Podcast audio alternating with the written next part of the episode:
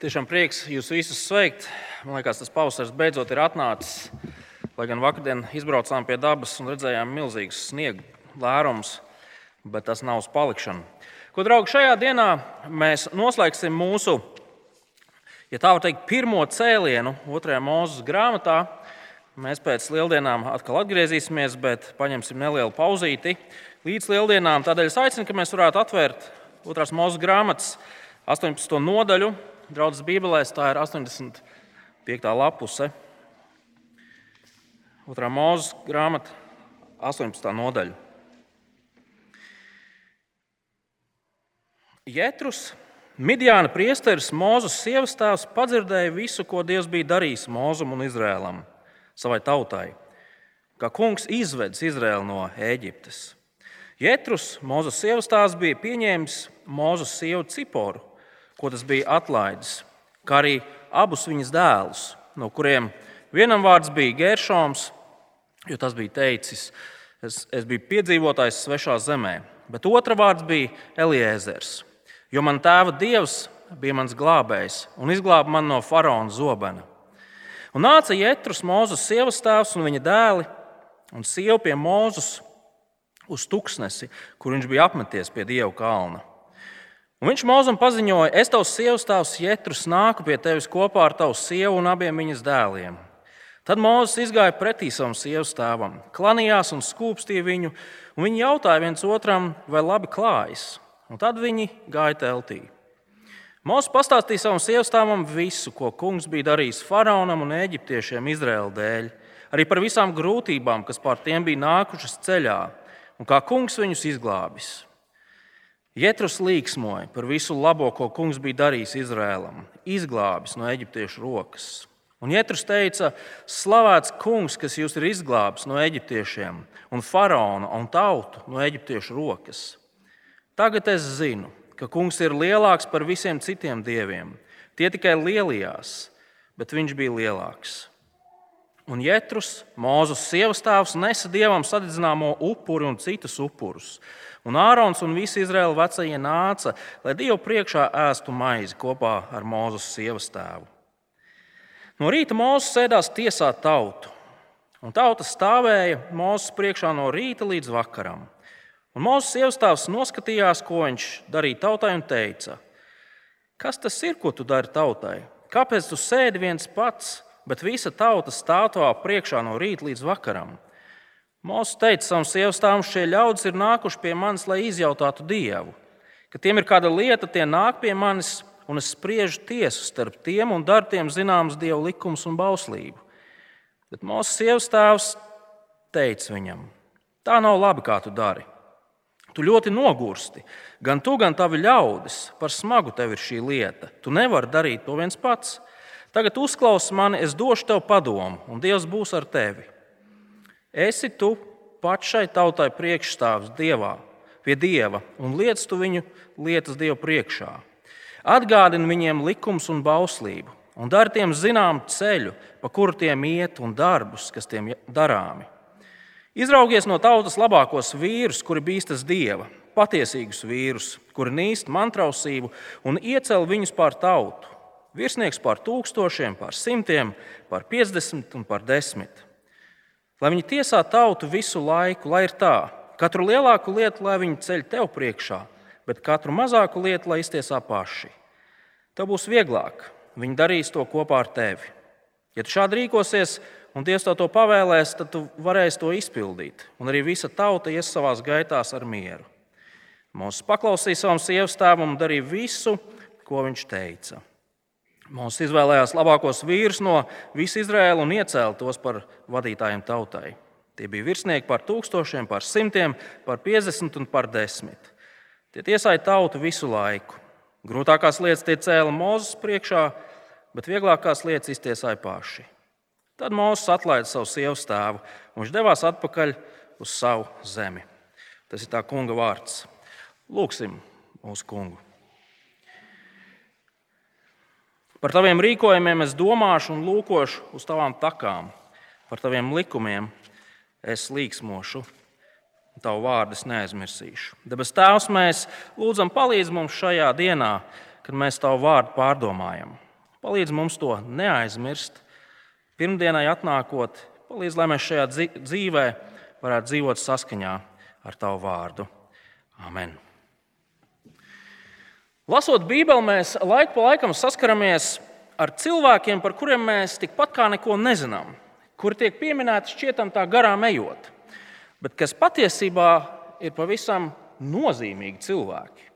Un tieši pie šīs kategorijas pieder arī šīs dienas nodaļas galvenais varonis, kas nepārtraukti tiek uzsvērts kā Mūzes sievas tēvs, Jētrus. Pirmo reizi mēs ar Jētru iepazināmies otrajā nodaļā, otrās mūža grāmatas otrajā nodaļā, kur Mozus bēgdams no vajāšanām Eģiptē nonāk Midjāna zemē. Viņš aprec vienu no Jētrus meitām. Jētrus ir pagāns. Viņš, līdzīgi kā visi citi midjānieši, visticamāk pielūdz vairākus dievus. Mēs pārāk daudz par to nezinām, vēsture pārāk daudz par to nerunā, bet tas bija praktizēts tajā laikā Midjāna un Tuvu austrumu zemēs. Bet Jēzus nav parasts pagāns. Jēzus ir Midjāna priesteris. Tas nozīmē, ka viņš ir zināms status un stāvoklis sabiedrībā. Pirmo reizi ieraugot Jētru, mēs viņu sastopam laikā, kad Dievs ir apņēmības pilns glābt savus ļaudis. Dievam ir plāns, kur viņš dara zināmu mūzumu. Viņš ir dzirdējis savus tautas vaimanas, un Dievs grasās darīt īstenot iespaidīgu glābšanas operāciju. Un tagad, 18. nodaļā, mēs redzam Jetru tālu prom no Eģiptes zemes kopā ar izglābto dievu tautu, kopā ar savu znotu mūzu. Dievs savu tautu ir izglābis, un mēs atkal redzam Jetru. Līdz ar to mēs varētu teikt, ka Jetrus otrajā mūzes grāmatā ir tāda tā kā saudabīga grāmatu vāki. Liksim pēdiņās. Otrā mūzes grāmata Visas 17 nodaļas, pirmās 17 nodaļas, mēs varētu savilkt kopā kā tādu vienu lielu notikumu. Un šis notikums ir Dievs izglābi savu tautu. Dievs ar vareniem, brīnumainiem darbiem izglābi izrēliešus no Ēģiptes verdzības. Un to darot, Dievs sevi atklāja kā kungu pār visu pasauli. Tur kādā ziņā šī sadaļa un arī šīs dienas raksturvieta ir kā tāds kopsavilkums visam tam, ko mēs līdz šim esam redzējuši. Es nezinu, mēs jau visi esam, varbūt viens otrs vēl ir students, bet labās mācību grāmatās aiz katras nodaļas parasti ir tāds kopsavilkums, kur ir galvenās, svarīgākās tēzes, kas konkrētajā nodaļā ir apgūtas. Kaut kādā ziņā 18. nodaļa ir šis kodolīgais kopsavilkums visam tam, ko Dievs ir izdarījis. Lūk, kas ir noticis. Lūk, ko Dievs ir izdarījis. Skatieties un priecājieties. Taču, draugi, 18. nodaļa ir kas daudz vairāk par kopsavilkumu sniegšanu. Patiesībā 18. nodaļa sastāv no divām daļām, un šajā dienā mēs aplūkosim tikai pirmo daļu. Mēs nolasījām visu, bet tas ir kontekstam. Un pirmā daļa ir no 1 līdz, līdz 12 pantam, kurā mēs redzam to, kā Jētrus, vai precīzāk sakot, mēs caur Jētru atskatāmies tajā, ko Dievs ir izdarījis. Dievs ir dāvājis glābšanu. Un tad šīs nodaļas otrā daļa, sākot ar 13. pantu līdz nodaļas beigām, mums atklāja to, kā Jētrus dod mūzumu padomu. Dieva ļaudis ir izglābta, ļaužu masa, un mēs redzam to, ka viņi ir kaut kādā veidā jāvada. Viņiem ir kaut kādā veidā jāmācās dzīvot kā dieva ļaudīm. Un tad no 18. nodaļas otra puse patiesībā ir tāds kā skatījums nākotnē. Proti, tajā, ko mēs redzēsim sākot ar 19. nodaļu, kur ļoti izteikti otrajā mūža grāmatā tiek runāts par to, nu kā tad šiem dieva izglābtajiem ļaudīm ir jādzīvo. Ja gribat, 18. nodaļa ir tāds tā kā eņģis, kas skatās uz to, kas ir izdarīts pagātnē, un kas skatās uz to, kas notiks nākotnē. Taču autora nolūks ir kaut kas vēl vairāk par vienkārši tādu grāmatas uzbūves veidošanu. Redziet, lai, lai sniegtu kopsavilkumu tam, kas ir noticis un kas vēl būs jādara, autoram nevajadzētu iztērēt veselu nodaļu. Tā vietā autors vēlas, lai mēs skatītos uz Jētrus, kurš mūsu acu priekšā atspoguļo to, kā izskatās Izraēla dievam ticošs cilvēks. Mēs redzam Jētrusa pārliecību, un mēs redzam Jētrusa rīcību. Jētrus ir cilvēks, kura pārliecība un rīcība mainās tad, kad viņš no uzticamiem avotiem dzird par to, kāds ir Dievs, ko Dievs ir darījis. Viņš ir kā piemērs cilvēkiem, kas ir sapratis to, kas tad patiesībā ir Dievs. Un mēs esam aicināti skatīties uz Jētrusu un sekot viņa piemēram. Dieva darbam mūsos ir jārada noteikta pārliecība.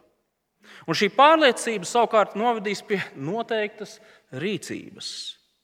Nav iespējams, draugi, tas ir neiespējami atzīt Dievu, Dieva darbu, bet savā dzīvē dzīvot tā, it kā nekas nebūtu noticis. Tā kā tas nekādā veidā neietekmētu mūsu dzīvi. Nē, draugi, Dieva darbam, sapratnē par Dieva darbu mūsu dzīvē, mūsos ir jārada abrīna par Dievu. Un šai abrīnai mūsu dzīvē ir, mūsu dzīve ir jāpiepilda ar patiesu prieku, un ar vēlmi slavēt Dievu, un ar vēlmi kalpot Dievam ar visu, kas mums ir dots. Patiesi, otrās mūzes grāmatas lielais mērķis ir mums palīdzēt ieraudzīt to, kāds tad Dievs patiesībā ir. Un tas ir tas, ko mēs pēdējās nedēļās esam darījuši. Mēs esam skatījušies uz Dieva darbiem, otrajā mūzes grāmatā, un mēs katru reizi esam aicināti izdarīt secinājumus par šo Dievu. Nu, kāds tad viņš ir? Kas viņš ir? Kā viņš demonstrē sevi? Draugi, un beigu beigās, kad viss ir pateikts un izdarīts, redzēt dievu darbus nozīmē nonākt pie tās pašas pārliecības un pie tās pašas rīcības, kur mūsu acu priekšā 18. nodaļā atspoguļo Jētrus. Redzēt dievu darbus, bet dažādu iemeslu dēļ nonākt pie citiem secinājumiem, saskaņā ar šo nodaļu, ir pilnīgs muļķības. Tad nu, aplūkosim Jētrusu kā viņš kalpo mums par piemēru. Un pirmā lieta, ko mēs, ko mēs redzam, ir Jētrusa pārliecība. Nodaļa sākas ar to, kā Jētrus ir padzirdējis visu to, ko kungs bija darījis Mozum un Izraēla tautai, kā kungs bija izvedis Izraēlu no Eģiptes. Kopš šīs lielās glābšanas operācijas ir pagājuši vairāki mēneši, um, un, un ziņas par to, ko Dievs bija darījis, beidzot ir sasniegušas arī uh, Midjāna zemi.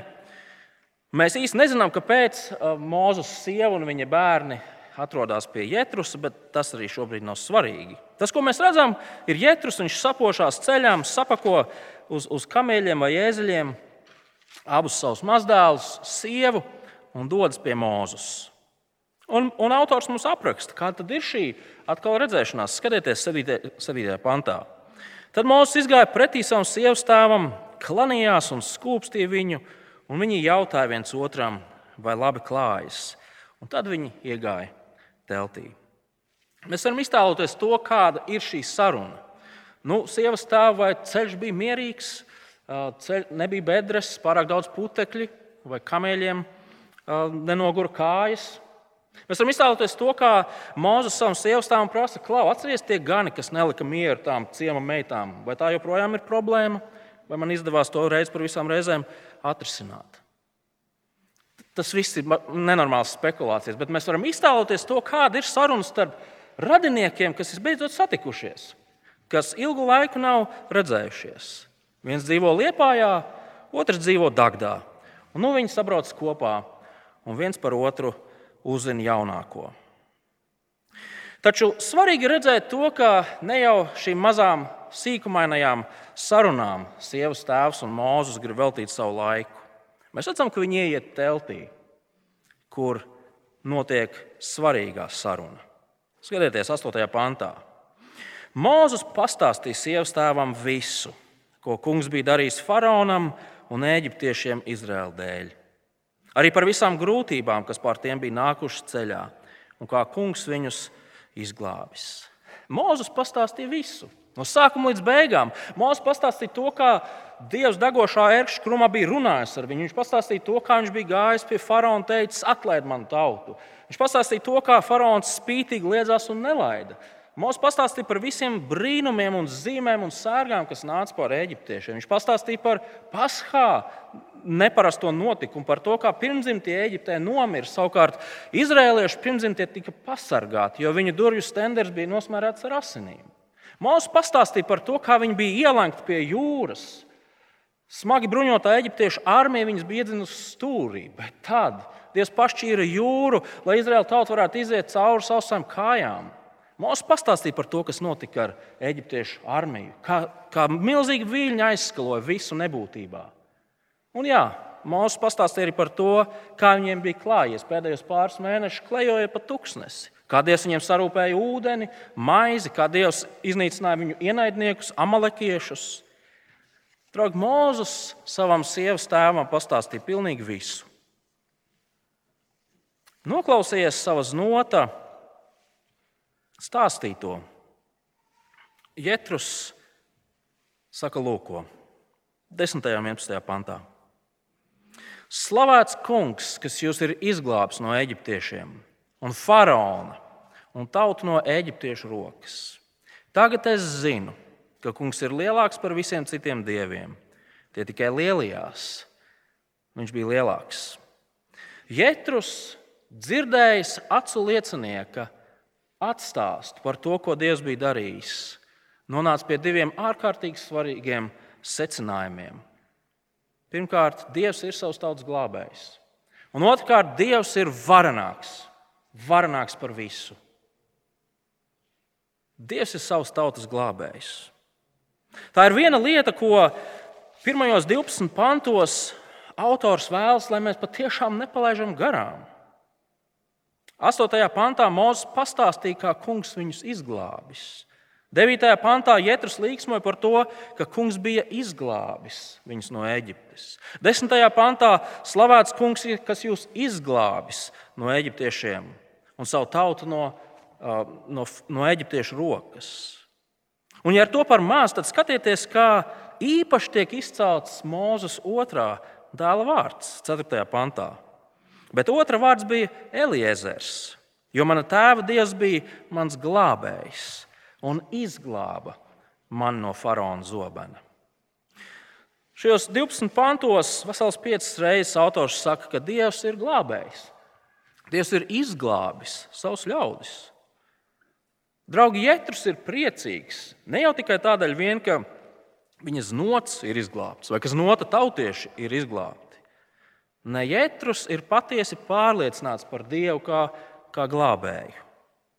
Un viņš netiešā veidā pievienojas tai slavas dziesmai, kuru izrēlieši jūras malā dziedāja 15. nodaļas sākumā.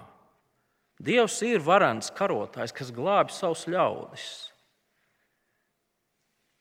Jētrus zina, ka šīs, šī, šī patiesība ir reāls vēstures notikums kam ir fakti, neapstrīdami un neapgāžami fakti, kas to apstiprina. Un tādēļ secinājums numur viens, ko Jēzus ir spiests izdarīt, Dievs ir glābējs. Dievs patiešām ir glābējs, viņš glābi savu tautu. Un šī lielā glābšanas operācija norāda uz vēl kādu patiesību. Dievs ir varenāks par visiem citiem, par visiem dieviem, spēkiem, visu, ko vien varam iedomāties. Vēlreiz ieskatieties 11. pantā. Tagad es zinu, ka kungs ir lielāks par visiem citiem dieviem. Tie tikai lielajās, bet viņš bija lielāks.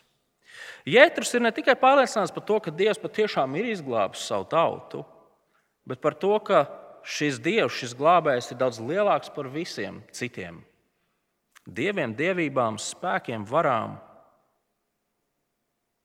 Otrajā mūža grāmatā jau iepriekš Dievs darīs zināmu to, ka tas, kas notiks ar eģiptiešiem, tas, kas notiks ar faraonu, patiesībā ir dieva tiesas sprieduma pasludinājums par Eģiptes dieviem. Liksim šo vārdu pēdiņās. 12. nodaļas 12. pantā. Dievs saka, šonakt es iziešu cauri Eģiptes zemē un sitīšu Eģiptes zemē ikvienu pirmzimto, gan cilvēkam, gan lopam.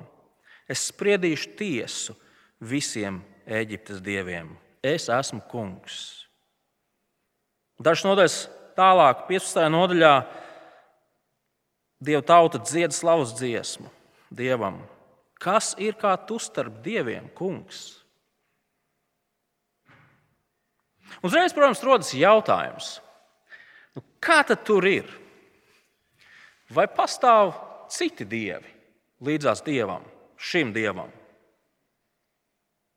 Vai ir daudz dievi, un starp viņiem tā vien izskatās varenākais ir izrēliešu dievs Jahve? Un atbilde ir vienkārša: nē, ir tikai viens dievs. Realitātē ir tikai viens dievs. Dieva kategorijā ir tikai viens vārds - Jahve. Draugi, mums ir jāsaprot tas, ka cilvēki ir ārkārtīgi naski radīt un izdomāt paši savus dievus. Slavenais reformātors Žants Kalvins reiz teica, ka cilvēka sirds ir kā tāda fabrika, rūpnīca, kurā tiek ražoti un radīti elki, jeb neīstie dievi. Eģiptieši, mēs visi zinām no dažādiem hieroglifiem un, un dažādām liecībām, viņi pielūdz daudzus dažādus dievus, daudz dažādas dievības. Viņi tos saistīja ar dažādiem notikumiem, dabā un, un, un visādi citādi. Arī pats faraons tika pielūgts kā dievišķa būtne. Un cilvēki visos laikos ir radījuši un pielūguši dievus. Bieži vien tas ir saistīts ar, ar, ar nekontrolējamiem un neparedzamiem dabas spēkiem, kuriem ir pievienotas dievišķas īpašības. Un cilvēki visos laikos ir cenšu, centušies pielabināties šiem dabas spēkiem, šīm, šīm varenajām un neizskaidrojamajām lietām.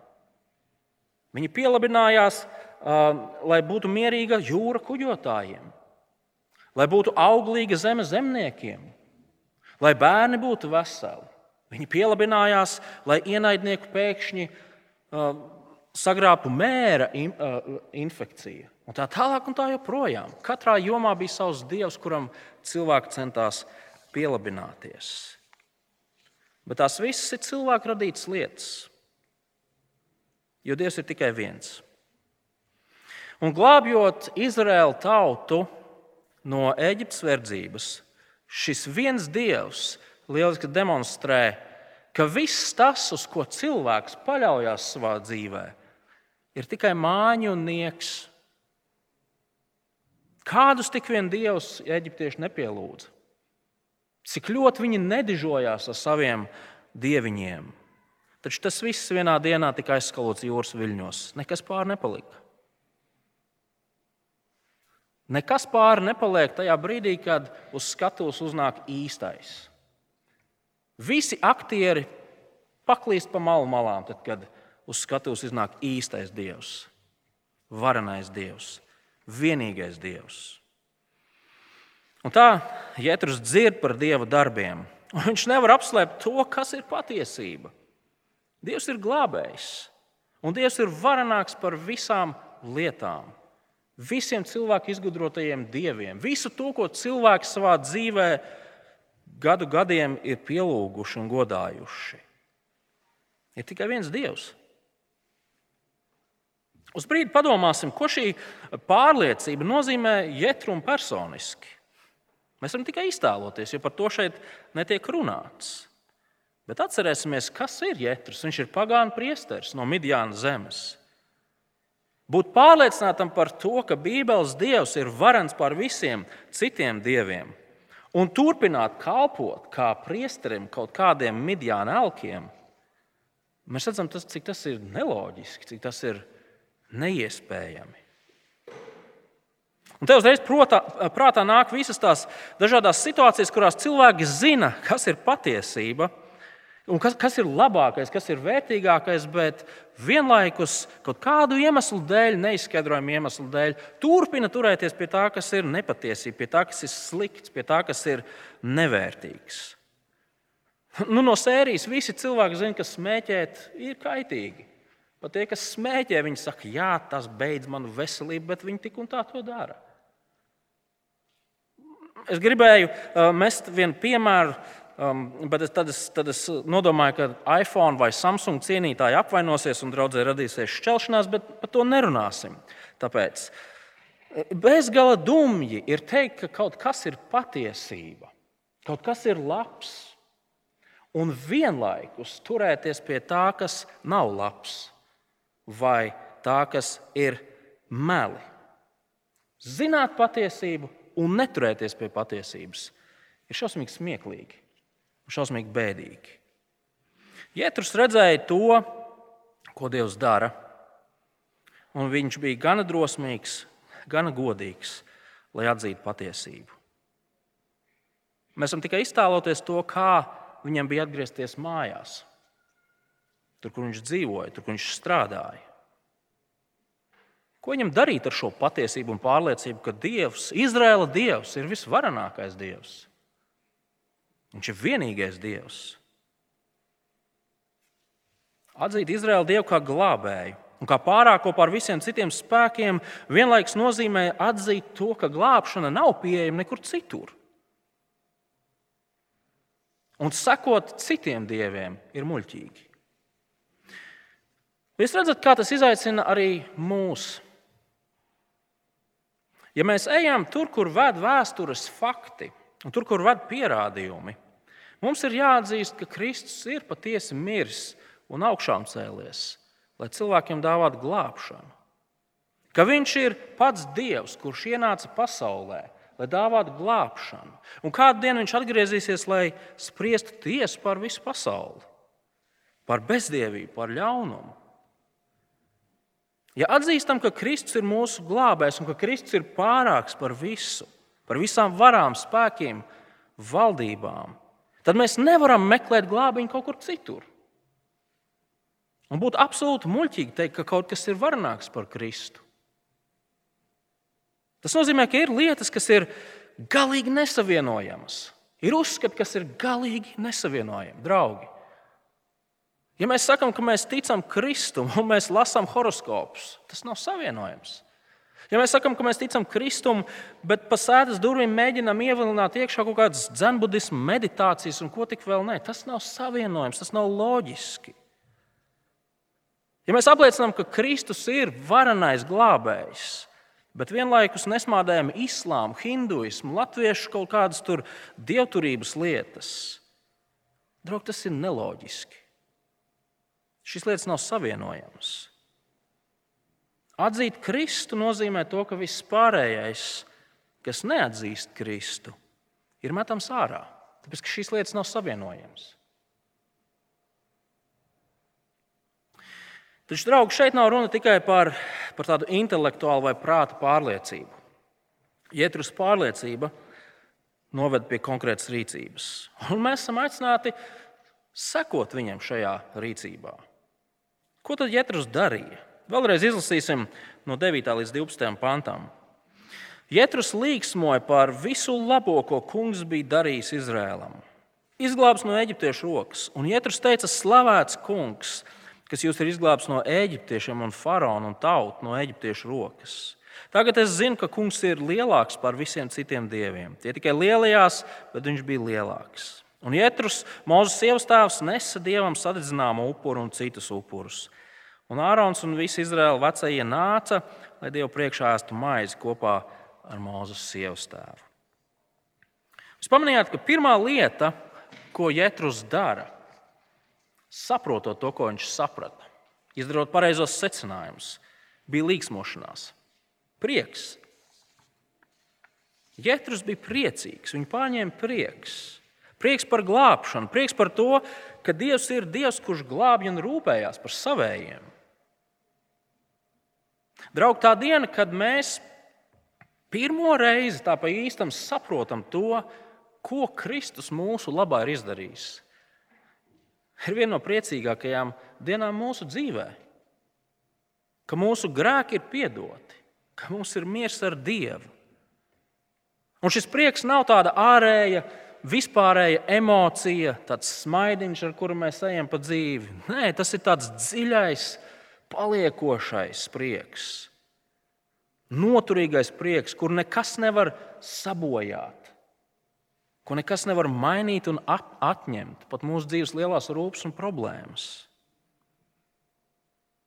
Ieklausieties, es nolasīšu dažas raksturvietas, kas lieliski parāda to, ko Kristus mums, mums labā ir darījis. Un klausoties, padomājiet, vai šīs lietas nav par iemeslu lielam priekam? Romiešiem 5. nodaļa, sākums. Tā nu starp mums ticībā attaisnotajiem un Dievu ir iestājies miers caur mūsu kungu Jēzu Kristu. Caur viņu mēs ticībā esam mantojuši ceļu šo žēlastību, kurā mēs stāvam un lepojamies par cerību uz dievišķo godību. Kolosiešiem 2. nodaļa, 13 līdz 15. Jūs, kas bijāt miruši savos grēkos un miesā neapgraizīti, Dievs darīja dzīvus līdz ar Kristu, dāvādams mums visu grēku piedošanu. Dievs izdzēsa parādu rakstu ar tiem noteikumiem, kas bija vērsti pret mums, un to iznīcināja, pieneglodams pie krusta. Viņš atbruņoja visas valdīšanas un varas, un tās atklāti kaunā likdams, svinēja par tām uzvaru Kristū. Un vēl viena, 1. pētera vēstule, 1. nodaļa, 3 līdz 5. Slavēts lai ir Dievs un mūsu Kunga Jēzus Kristus Tēvs kas savā lielajā žēlstībā mūs ir atzendinājis dzīvai cerībai caur Jēzus Kristus augšām celšanos no mirušajiem.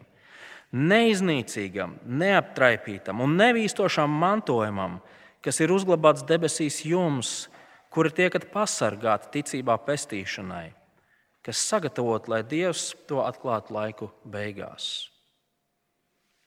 Attaisnoti, miers ar Dievu, cerība uz godību dzīvi nemiruši, grēki piedoti, visas apsūdzības dzēstas, visi apsūdzētāji apklusināti, dzīve cerība, neiznīcīgs, neaptraipīts, nevīstošs mantojums, pasargāšana līdz visu šo lietu piepildījuma dienai. Visas šīs lietas Kristus dāvā saviem ļaudīm. Nevienu no šīm lietām nekas un neviens mums nevar atņemt sagrozīt, nolaupīt. Tas viss ir nemainīgs, lai kādos apstākļos, lai kādai dzīves strīpai mēs arī neietu cauri, gaišai vai melnai. Sakiet, vai mēs priecājamies par šīm lietām? Tad, kad mēs tā nopietni par viņām domājam, vai mūs pārņem prieks?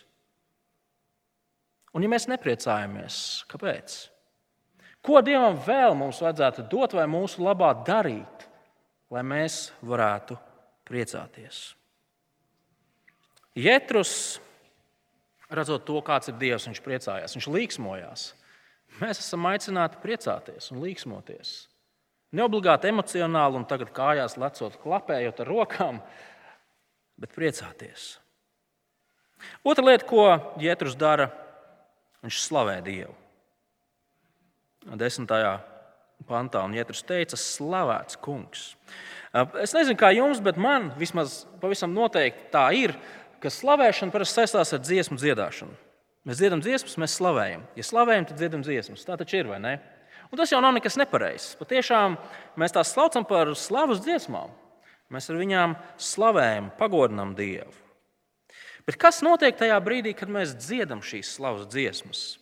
Mums ir jāsaprot, ka šīs dziesmas, kuras mēs dziedam, ir kā tādas patiesības apliecības. Mēs izdziedam patiesības, kas atspoguļo to, kāds ir Dievs, ko Dievs dara pasaulē un mūsu dzīvē, ko Dievs mums dāvā, uz kurieni Dievs mūs ved. Visas šīs patiesības mēs izdziedam dziesmā. Un līdz ar to, tad, kad mēs runājam par slavēšanu, mēs uzreiz saprotam, ka tas ir kaut kas daudz lielāks par vienkārši dziesmu dziedāšanu. Runa ir par attieksmi attieksmi, kas ikvienā dzīves situācijā spēj redzēt Dieva labos nodomus, kurus viņš īsteno gudrībā, Tā ir attieksme, kas atzīst Dieva suverenitāti pār ikvienu mūsu dzīves notikumu. Tā ir attieksme, kas vēlas apliecināt patiesību par Dievu. Tad, kad domājam par to, kāds ir mūsu Dievs, ko Viņš ir darījis, mēs nevaram klusēt. Dieva dāvana mums, cilvēkiem, ir pārāk liela, lai mēs to slēptu kaut kur skapī. Es reizēm saviem bērniem, un nesakiet, ka es to pieminēju, bet es saviem bērniem reizēm saku, nu, jums nevajag stāstīt, ko jūs esat saņēmuši dzimšanas dienā. Nu, kad, kā, nu, kādam varbūt arī gribās, viņam nav, un tas ir bēdīgs. Šajā brīdī, draugi, mums ir visiem jāstāsta, kādu dāvanu Dievs mums ir devis, kādu glābšanu Viņš mums ir devis.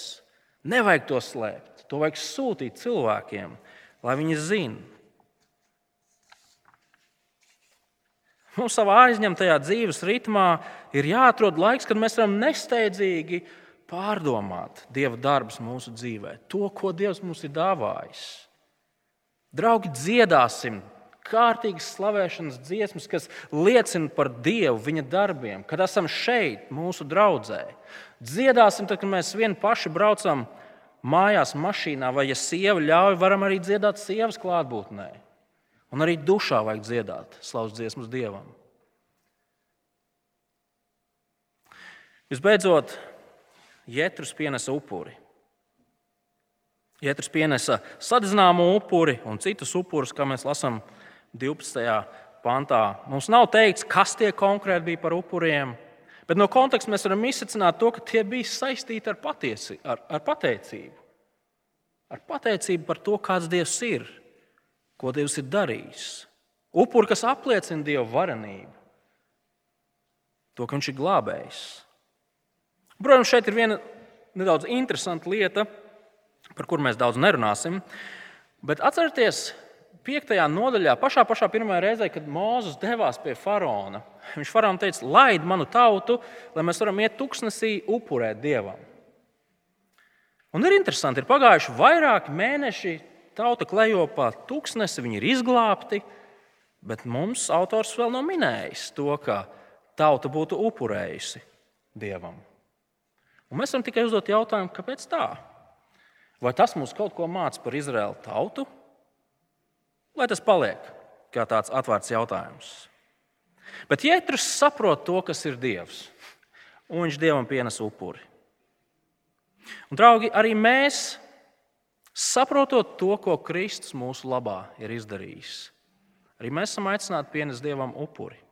Un runa nav par jēriem, par vēršiem, par vistām, par smaržzālītēm. Tādas lietas mums nav Dievam jāpienes. Mēs esam aicināti pienest kaut ko daudz iespaidīgāku. Klausieties, ko Pāvils saka Romiešu vēstulē, 12. nodaļas 1. pantā. Es jūs aicinu, brāļi, Dieva apžēlošanās dēļ nododiet sevi pašus. Tā ir jūsu apzinīgā kalpošana Dievam, kā dzīvu, svētu un Dievam tīkamu upuri. Pāvils šeit nerunā par to, ka mums uh, ir jāiegriež sev plaukstā, asinis jāuzpilina uz kaut kāda altāra, tādā veidā nu, sevi dodot dievam. Tas nav tas, par ko Pāvils runā.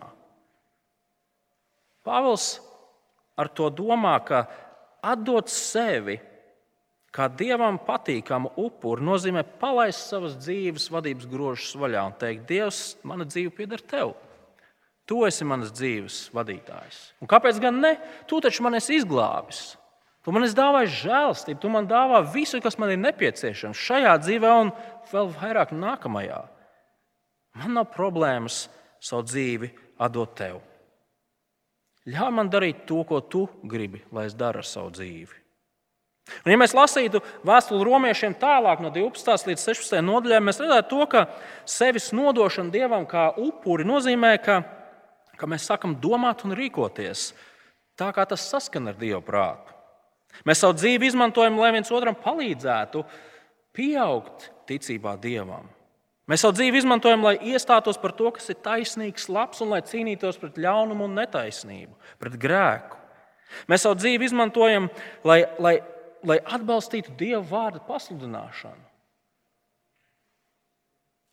Tas nozīmē, ka pirms katras savas dzīves svarīgā lēmuma mēs uzdodam ļoti svarīgu jautājumu. Kādā veidā tas, ko es tūlītās darīšu, kādā veidā tas kalpos Dievam? Kādā veidā tas, kur es dzīvoju, ko es daru, kur es strādāju, kā es izmantoju savu brīvo laiku, savas finanses, visu pārējo, kā tas kalpo Dievam? Nu, kā tieši? Nodot sevi par upuri nozīmē mazāk skatīties uz sevi, uz savām vajadzībām, uz savām vēlmēm, uz savām ilgām, uz saviem sapņiem. Un tā vietā skatīties uz Dievu, uz Viņa gribu, uz to, ko Viņš sauc par labu, uz to, ko Viņš sauc par vērtīgu, uz to, ko Viņš sauc par lietām, pēc kām ilgoties. Un, draugi, šī pēdējā lieta ir īpaši izaicinoša.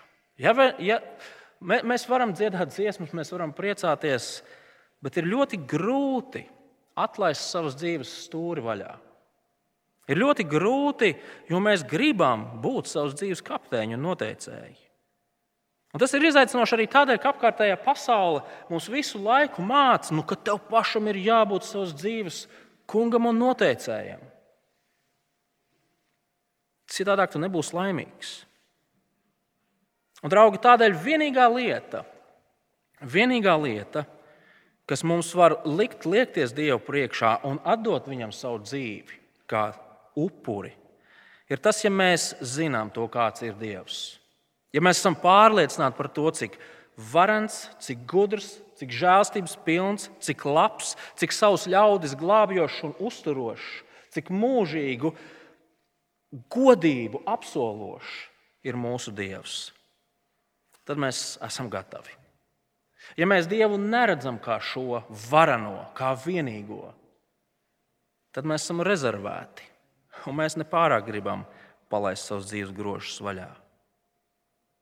Bet, ja mūsu Dievs ir tik liels, kādu to raksturo Jēzus ar savu pārliecību un rīcību, tad mēs varam droši sekot Jēzusam. Mums absolūti nav ko zaudēt. Mēs varam tikai un vienīgi iegūt. Nešaubīsimies par mūsu Dieva varenību, kalposim Viņam ar prieku, slavas dziesmām un dodot visu, ko Dievs mums savā žēlstībā ir devis. Lūksim viņu. Labais debes Tēvs, mēs Tev pateicamies par to, ka neskatoties to, ka Tu esi varans Dievs, Tu esi milzīgs, neizprotams, neaptverams. Taču tāpat laikā Tu sevi esi atklājis. Tu esi sev darījis zinām, kā Dievu, kurš dāvā žēlstību un glābšanu. To es to izdarīju, sūtījams savu dēlu Jēzu Kristu šajā pasaulē, kurš labprātīgi nomira par grēciniekiem, tādējādi dāvājot grēku piedošanu, izlīgumu ar tevi un mūžīgo dzīvību. Debes Tēvs, mēs atzīstam, ka pārāk bieži mēs pieķeramies šai zemes dzīvei Un patiesi šī zemes dzīve ir laba tava dāvana. Mums to nevajag noniecināt, mums vajag izmantot visas iespējas, kuras tu esi devis. Taču pieķerties dāvanai, nevis dāvinātājiem, ir tik muļķīgi. Tādēļ mēs lūdzām, palīdz mums, domājot par tevi, ieraugot to, kāds tu esi ar vien vairāk un vairāk, priecāties par tevi, slavēt tevi un kalpot tev ar visu kas mums ir dots. Līdz tai dienai, kad mēs skatīsim tevi, mūsu varenais glābēji, vaigu vaigā. Mēs lūdzam palīdzi Kristus dēļ. Amen!